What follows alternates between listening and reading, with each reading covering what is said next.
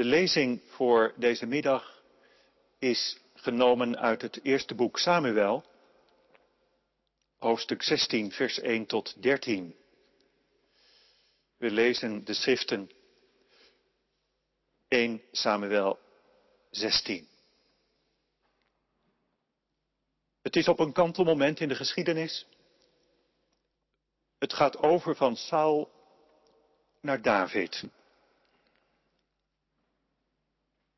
De Heer vroeg aan Samuel, hoe lang blijf je nog treuren om Saul, die ik als koning van Israël verworpen heb? Kom, vul je hoorn met olie en ga voor mij naar Isaï in Bethlehem. Want een van zijn zonen heb ik als koning uitgekozen. Hoe kan ik dat nu doen? Wierp Samuel tegen. Saul zal me vermoorden als hij het hoort.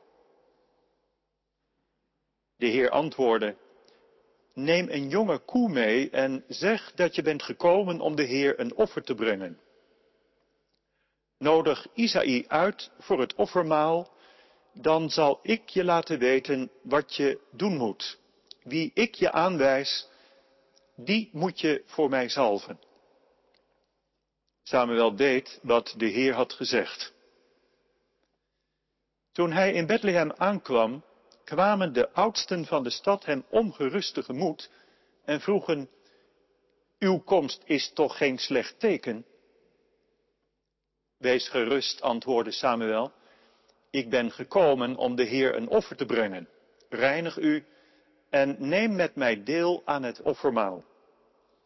Ook Isaï en zijn zonen nodigde hij uit en aan hen vertrok hij persoonlijk de reiniging. Bij hun aankomst viel zijn oog meteen op Eliab en hij zei bij zichzelf, hij die daar klaar staat is vast en zeker degene die de Heer wil zalven. Maar de Heer zei tegen Samuel, ga niet af op zijn voorkomen en zijn reizige gestalte. Ik heb hem afgewezen. Het gaat niet om dat de mens ziet, de mens kijkt naar het uiterlijk, maar de Heer kijkt naar het hart. Toen riep Isaï Abinadab en stelde hem aan Samuel voor, maar die zei, ook hem heeft de Heer niet gekozen.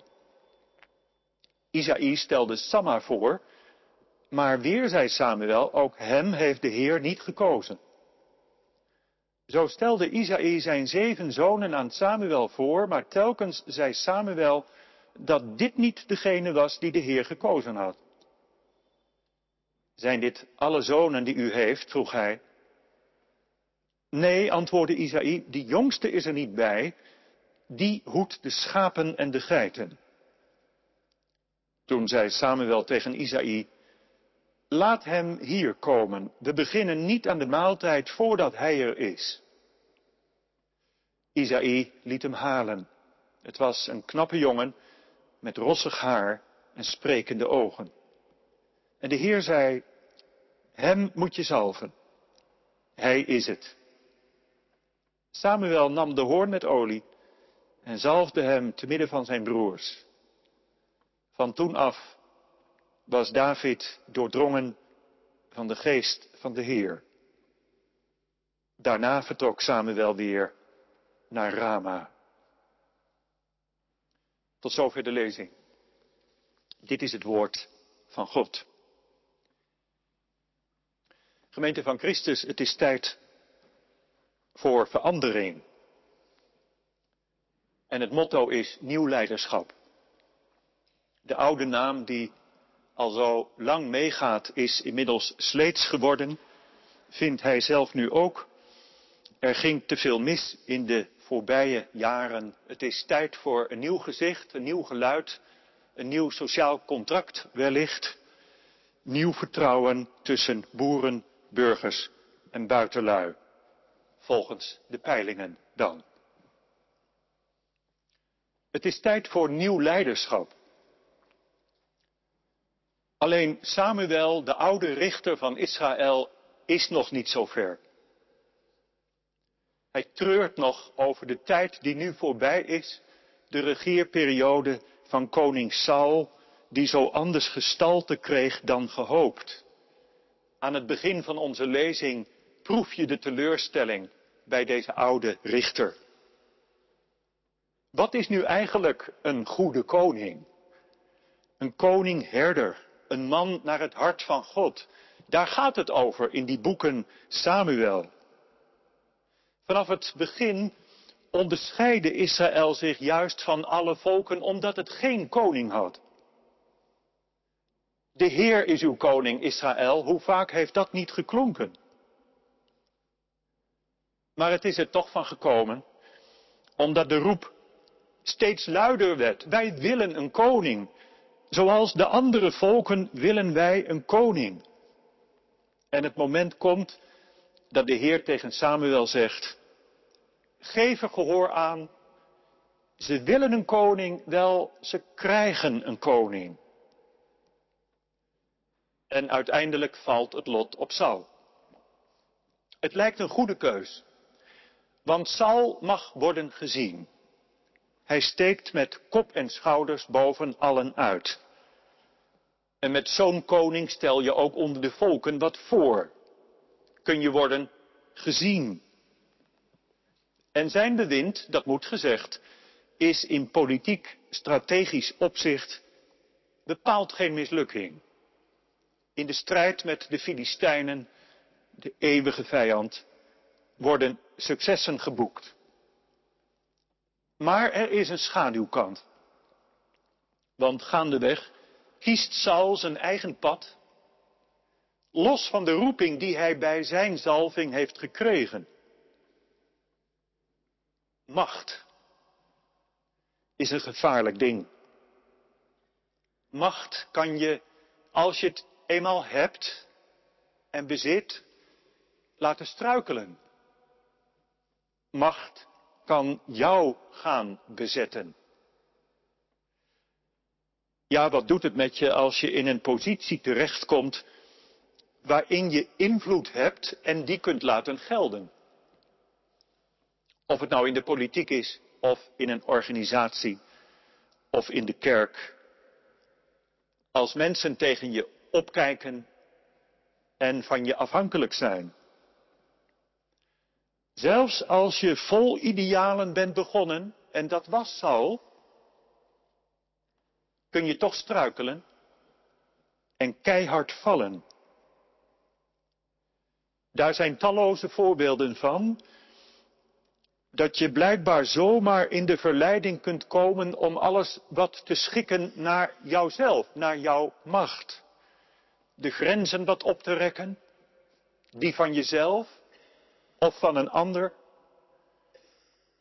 En voordat je het weet, kleeft aan macht, corruptie, wangedrag, misbruik. Macht roept om tegenmacht. Abraham Lincoln, de beroemde Amerikaanse president, heeft ooit gezegd, als je iemands karakter wilt testen, give him power. Geef dan macht, dan blijkt het. Maar Saul gaat van kwaad tot erger, omdat hij de roeping van God vergeet, alsof hij verblind is. En de dag komt dat Samuel in Gods naam de slip van Sauls mantel scheurt. En dat hij zegt, zo scheurt de Heer het koningschap van Israël van u af. De hemel betreurt het dat Saul als koning van Israël is aangesteld. Het moet anders. Nieuw leiderschap is nodig. En als er dan een andere koning moet komen, laat het dan een koning zijn die een beetje lijkt op de eeuwige die zich de herder van Israël noemt. Een herder koning. maar wie? En hoe? En dan klinkt de stem. Samuel, blijf niet langer treuren. Vul je hoorn met olie en ga naar Bethlehem, naar het huis van Isaï. Eén van zijn zonen heb ik voor mij als koning gekozen. Eigenlijk staat er letterlijk, en je leest dat ook in andere vertalingen, ik heb bij zijn zonen voor mij een koning gezien. In dit verhaal van de zalving van David komt het woordje zien voor, een paar keer. Bij het zoeken van een koning gaat het erom wat je ziet. Wat je in iemand ziet. En niet alleen bij het zoeken van een koning. Het draait in onze tijd helemaal om het zien. Wat zichtbaar is. Waar je oog voor hebt. Met welke ogen je naar de wereld kijkt om je heen. Naar de mens die je ontmoet. Naar jezelf. Wat zie je? Wie zie je? En wat zie je niet? Onze politici bereiden zich zo tot in de puntjes voor als ze in debat gaan, want het wordt gezien. Zelfs als je het geluid uitzet, zie je iets. Wat zie je over het hoofd misschien? Wat is iets wat je niet opmerkt? Waar heb je geen oog voor? Waar ben je blind voor? In dit verhaal is de Heere God de eerste die iets ziet. En dat is veelzeggend. Het zien van God gaat aan het kijken, het zien van ons mensen vooraf. Hij voorziet. Niet op die manier dat het menselijk handelen er vervolgens niet meer toe doet, maar wel hij neemt het initiatief. En terwijl de oude koning nog vastkleeft aan het plush, ziet hij al een nieuwe koning voor zich. Waar in Bethlehem? Bij wie? Bij Isaïe thuis. Eén van zijn zonen. Bethlehem, de naam valt. En die raakt direct een snaar. Als plaats stelde Bethlehem niet veel voor, maar in de geschiedenis van Israël is dat wel anders. Hier ging Rut, gekomen uit Moab, aren rapen op het veld van Boas, en mocht zij schuilen onder de vleugels van Israëls God. En zij werd moeder van Obed, en Isaï is haar kleinzoon. Uit jou, Bethlehem Ephrata, uit jou komt iemand voort die voor mij over Israël zal heersen. Dat zal de profeet Micha zeggen, die dan terugkijkt en ook al vooruit naar David en de zoon van David, Jezus Christus. In Bethlehem schrijft God geschiedenis. Samuel wordt uitgezonden om daar een nieuwe koning te zalven.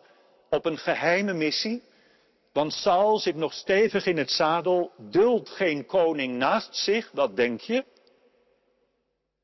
En een offermaaltijd is de dekmantel waarmee Samuel naar Bethlehem gaat.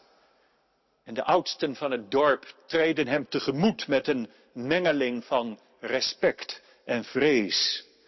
Ieder is genodigd, Isaïe wel speciaal en zijn zonen. En Samuel ziet, heb je het weer, hij ziet ze komen. En zijn oog valt meteen op de eerste, de oudste zoon, Eliab. Een reizige gestalte. En de profeet weet het zeker. Deze zal tot koning worden gezalfd. Me dunkt dat Eliab hem doet denken aan Saul. Zelfde postuur, zelfde uitstraling. Als je een vervanger zoekt, dit moet toch wel die uitverkoren opvolger zijn. Maar de ziener heeft het niet goed gezien. Deze is het niet, maakt de Heer hem duidelijk. En dan staan er die opmerkelijke woorden, het gaat niet om wat de mens ziet. De mens kijkt naar het hart, kijkt naar het uiterlijk, de Heer kijkt naar het hart. Deze niet. En zo gaat het bij de tweede, Abinadab. En ook Samma, de derde, blijkt het niet te zijn. En de vierde komt en de vijfde en de zesde. Dan moet het wel de zevende zijn, maar nee, ook deze niet. Al Isaïs zonen zijn de revue gepasseerd. Geen van allen gekozen. Samuel is uitgeteld. Is er dan in Israël geen koning te vinden naar Gods hart? Zijn dit al uw zonen, Isaïe? Nou ja, Heer, wat zal ik zeggen? Er is er nog één, maar dat is de kleine, dat is de Benjamin van ons gezin. Hij wijdt de schapen in de velden van Efrata. Hij komt nog maar net kijken. Hij is de achtste. Die kan het echt niet zijn. En als God nu eens anders kijkt, ga hem toch maar roepen, die kleine, die achtste. Wij kunnen niet verder zolang hij er niet is. Acht. Nummer acht. Dat is een getal waar wat omheen zweeft. Dat is het getal van God. Wij mensen tellen zeven dagen in een week en dan beginnen we weer opnieuw. God sloot zijn verbond met Abraham ooit op de achtste dag. De achtste. Die dag staat niet op onze kalender. Die dag is niet van de tijd. Die dag is van de eeuwigheid. Die dag ontstijgt de gewone loop der dingen. Daarom worden de zonen van Israël besneden op de achtste dag. De achtste, dat is een teken van het nieuwe begin. Met deze zoon van Isaïe gaat het koningschap van Israël een nieuw begin krijgen. En onthoud het, het gaat niet om wat de mens ziet, want die kijkt alleen maar naar het uiterlijk. God kijkt naar het hart. Wat wil dat nou zeggen? Wat wil daarmee gezegd zijn? Nou, dat lijkt duidelijk. Je richt je in de omgang met iemand op wat je ziet, wat je voor ogen hebt. En hoe gaat dat bij ons? Je kijkt, je taxeert, je maakt je een eerste indruk en die eerste indruk maak je in een split second. En je hebt al snel een mening en niet veel later ook een oordeel. Want je kijkt en je ziet naar een uiterlijk, naar hoe iemand is, zich gedraagt. Maar zeggen wij dan ook, schijn bedriegt, die buitenkant, het gaat om de binnenkant van je leven. En dat zie je als mens 1, 2, 3 niet van elkaar, laten we eerlijk zijn. En soms zie je het nooit. Maar God ziet dat wel. Soms lijkt dat troost. En soms wat minder. Heer die mij ziet zoals ik ben. Hier lijkt de oudste zoon van Isaïe geschikt. Kijk maar. Maar God kijkt met een andere blik en kiest de jongste, want God kijkt naar het hart. En dan komt die kleine, onbetekenende, haast onzichtbare jongste naar voren. Ongemerkt veronderstellen wij dan ook dat God ziet bij David van binnen hoe oprecht het in zijn leven, in zijn hart is. En hoe sterk zijn godsvertrouwen in onderscheid van anderen. David is een vrome jongen, weet u. En daarom bij uitstek geschikt. Zo iemand heeft de hemel nodig. Dus God kiest een mens omdat de mens geschikt is. Deze dus, David. Nou, het is maar de vraag of dat klopt, denk ik dan. Als eerste, doet die buitenkant er nou toe of niet? Als ik deze schrijver in dat eerste boek Samuel volg, dan komt hij op enig moment ook bij de buitenkant van David terecht. Want als Isaïe de jongste laat halen en die naam David heeft dan nog niet geklonken, dan lezen we dat hij een knappe jongen is, met rossig haar en sprekende ogen. Alsof daarmee gezegd wordt, die buitenkant doet er dus toch op enige wijze toe. En nu die binnenkant. Hoe vroom zullen we David maken als het geschikte mensenkind voor God? Nou, blader zijn geschiedenissen dan eens verder door, zou ik zeggen. Jawel, dit is de man die psalmen gedicht heeft.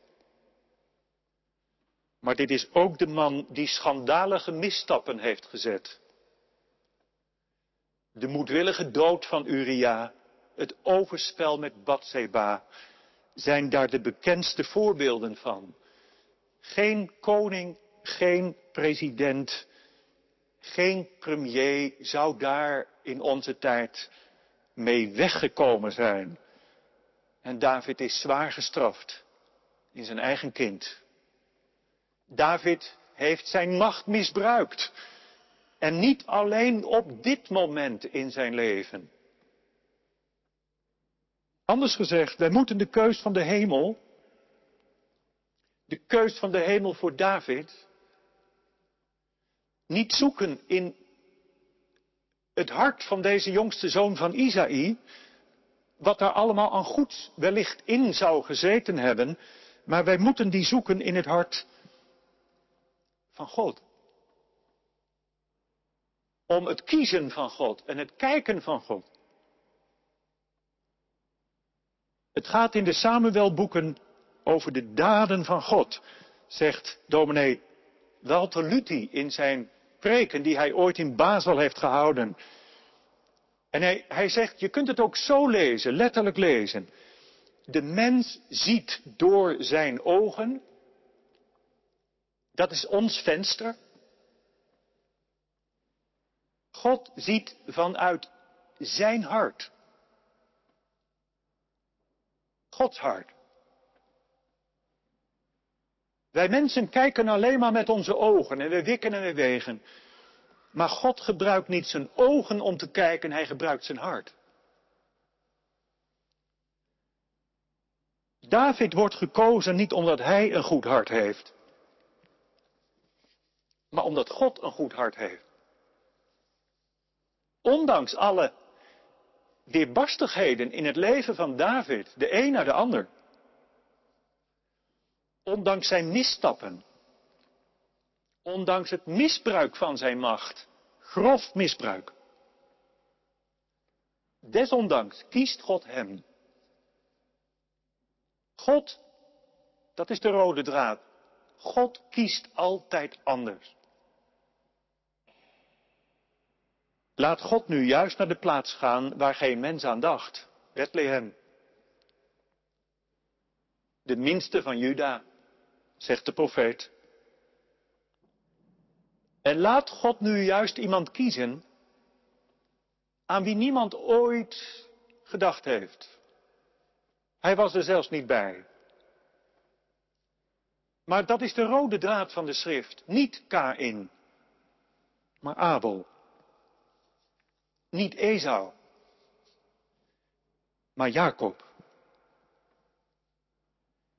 En die voorbeelden kun je vermenigvuldigen. En hier de herdersjonge David, die van achter de schapen geroepen moet worden. De laatsten zijn de eersten. En wie nakomt, gaat voorop. Dat is het evangelie hier. Dit is evangelie voor ons, voor mensen die achtergesteld worden, niet gezien, overgeslagen, door anderen aan de kant gezet. Gods weg is anders, Gods keus is anders. Een mens wikt en weegt en oordeelt. En ze zetten je zomaar aan de kant. Je voelt de pijn. God de Heer kijkt ons aan vanuit zijn hart. Dat is het evangelie. Dat is het evangelie als je verstrikt zit in de vraag wat je wel niet moet doen om erbij te horen. Wat je niet moet doen om erbij te horen voor God, voor een ander. Wat er misschien eerst van jou wordt verwacht om gezien te zijn. Kind van het koninkrijk. Met al die weerbarstigheden van je leven. Onthoud. De Heer kijkt naar me met een milde blik. Hij kijkt naar me door het venster van zijn hart. Dat is het evangelie.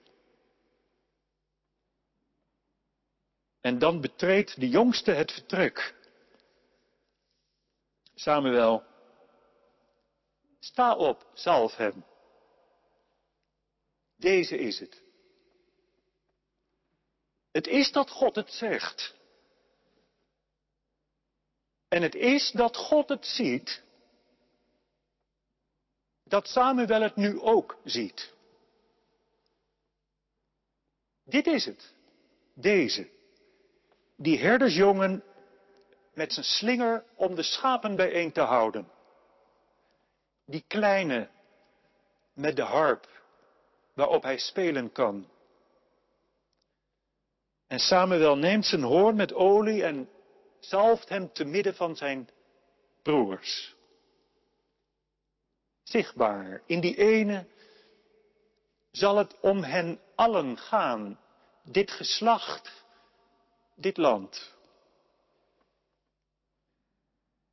Een kleine bijzonderheid, Saul is gezalfd met olie uit een kruik. Hier is het een hoorn. Een kruik kan barsten. Een hoorn is het teken van een verbond dat nooit verbroken wordt. Psalm 89. Een eeuwig verbond. David zal koning zijn, maar hij moet ook wel herder blijven. Die waakt over zijn volk als over een kudde. Hij moet mensen beschermen die geen helper hebben en bereid zijn om te dienen. En hij moet vooral ook op de harp blijven spelen en liederen zingen. Omdat God woont op de lofzangen van Israël. Broeders en zusters, naar zulke leiders, politici, voorgangers, verlangen wij in ons land. Mannen en vrouwen die iets van een herder hebben er wordt zo vaak een spel gespeeld om de macht. In talkshows en op de marktpleinen van de socials horen wij schreeuwers genoeg.